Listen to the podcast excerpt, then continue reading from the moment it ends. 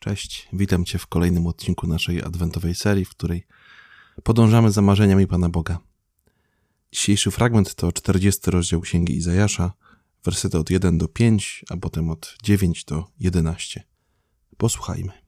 Pocieszajcie, pocieszajcie mój lud, mówi Wasz Bóg. Przemawiajcie do serca Jeruzalem i wołajcie do Niego, że czas Jego służby się skończył, że nieprawość Jego odpokutowana, bo odebrało z ręki Pana karę w dwójnasób za wszystkie swe grzechy. Głos się rozlega.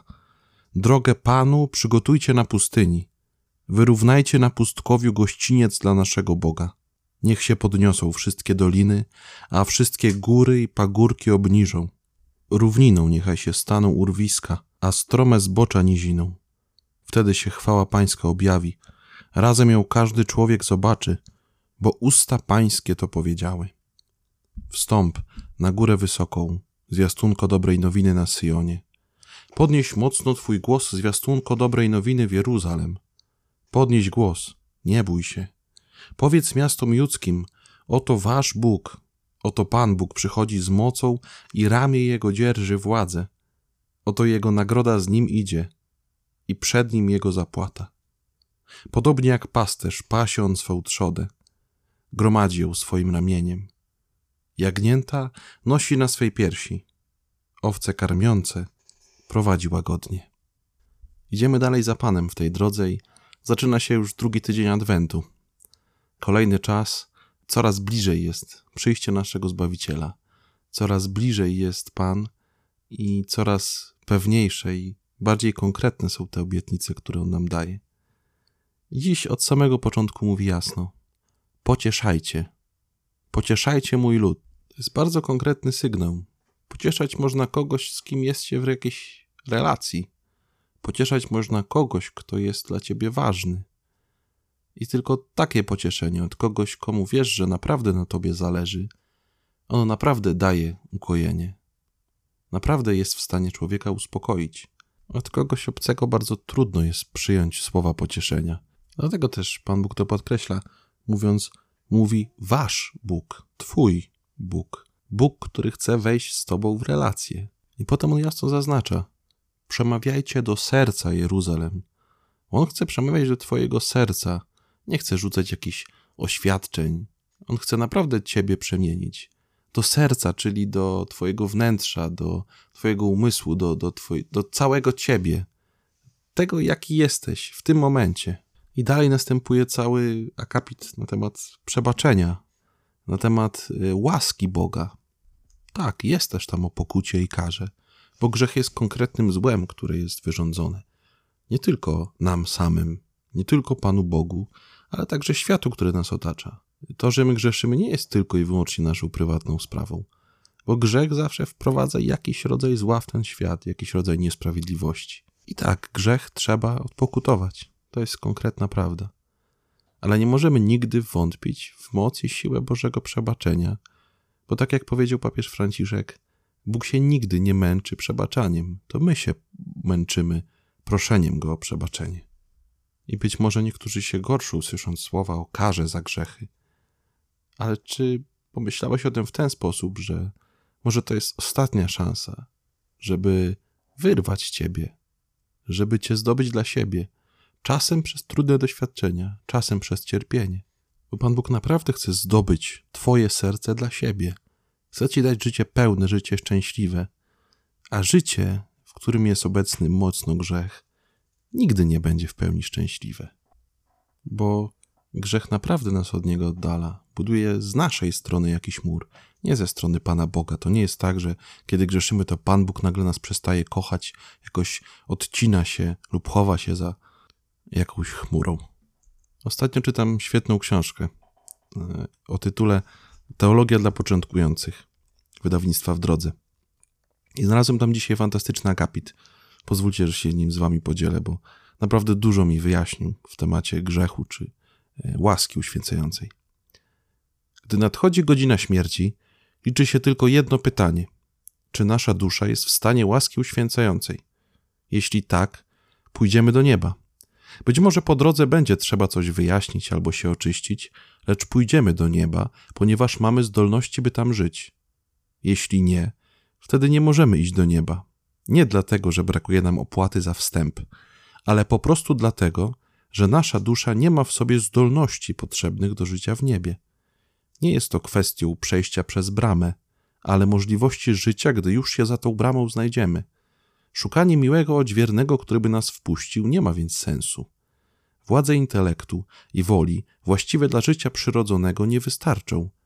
Niebo wymaga zdolności poznania i kochania wyższych niż te, którymi dysponuje nasza natura. Potrzebne jest nam zatem życie nadprzyrodzone i musimy je zdobyć tu, na ziemi. Umrzeć bez niego oznacza wieczną porażkę. Koniec cytatu. I myślę, że to jest dokładnie to, o czym już wydaje mi się, że wielokrotnie albo nawet w każdym odcinku wspominałem, że Bóg chce nas zaprosić do życia w swojej łasce, do Bożego życia już tutaj i przez to potem wprowadzić nas do życia niebieskiego, do oglądania Go w pełni twarzą w twarz. Dalej prorok mówi: Drogę Panu przygotujcie na pustyni, wyrównajcie na pustkowiu gościniec dla naszego Boga. Budowanie drogi na pustyni wydaje się dość karkołomnym przedsięwzięciem, zważając na warunki, jakie tam panują. I wyrównywanie gościńca na pustkowiu, czyli w miejscu, które z zasady jest bezludne, nie wydaje się zbyt e, mądrym pomysłem. Podniesienie dolin, obniżenie gór i pagórków, uczynienie równiny z urwisk, a nizin ze stromych zboczy, to są wszystko rzeczy pozornie niemożliwe, ale być może chodzi o to, że Pan Bóg w tym adwencie, w tym czasie, teraz chcecie zaprosić do czegoś niemożliwego, do czegoś, co jest niemożliwe Twoimi siłami, do czegoś, co jest niemożliwe tak po prostu po ludzku, do tego, żebyś swoje serce uczynił drogą dla Pana, żebyś wyrównał wszystkie te miejsca, które być może są puste, które być może są odludne, które są samotne. To nie przeczytałem e, piękne zdanie, które mówi, że człowieka i jego wiarę, jego relację do Boga poznaje się właśnie po tym, jak przeżywa się w samotności, bo wtedy jest najszczersza, bo wtedy się nie ukrywa. Wtedy nie można nic oszukać, nadrobić, dograć. I Pan Bóg wydaje mi się, że właśnie do tego zaprasza, do rzeczy niemożliwych. Dlaczego? O tym mówi ostatnie zdanie tego akapitu. Aby objawiła się chwała Pańska, żeby to wszystko, co się dokona, dokonywało się Bożą mocą w Tobie, dokonywało się z Jego łaski i dzięki Jego działaniu w Tobie. Tylko nam potrzeba pozwolić Bogu na to, otworzyć Mu drzwi swego serca, wpuścić Go na te swoje pustkowia i pustynie. Bo tak jak w innym miejscu tej księgi Bóg mówi, że chce rozlać wody po spragnionej glebie i zdroje po wyschniętej ziemi. Wszędzie tam, gdzie wydaje się, że nie ma już życia, On chce to życie dać, bo On jest prawdziwie życiem. Więc nie bój się stanąć przed tymi Twoimi pustyniami duchowymi, stanąć przed tymi miejscami, które wydają się puste i samotne, przed pustynią Twojego serca. Nie bój się przed nią stanąć i powiedzieć jej jasno: Oto Wasz Bóg, oto Pan przychodzi z mocą. Jego ramię prawdziwie dzierży władzę nad Twoim życiem. On naprawdę chce być Bogiem, który panuje nad Twoim życiem. On chce być Bogiem na tronie Twojego serca, bo dla Niego nie ma rzeczy niemożliwych. Jego panowanie przychodzi z mocą, ale Jego panowanie jest także pełne troski, jest pełne opieki.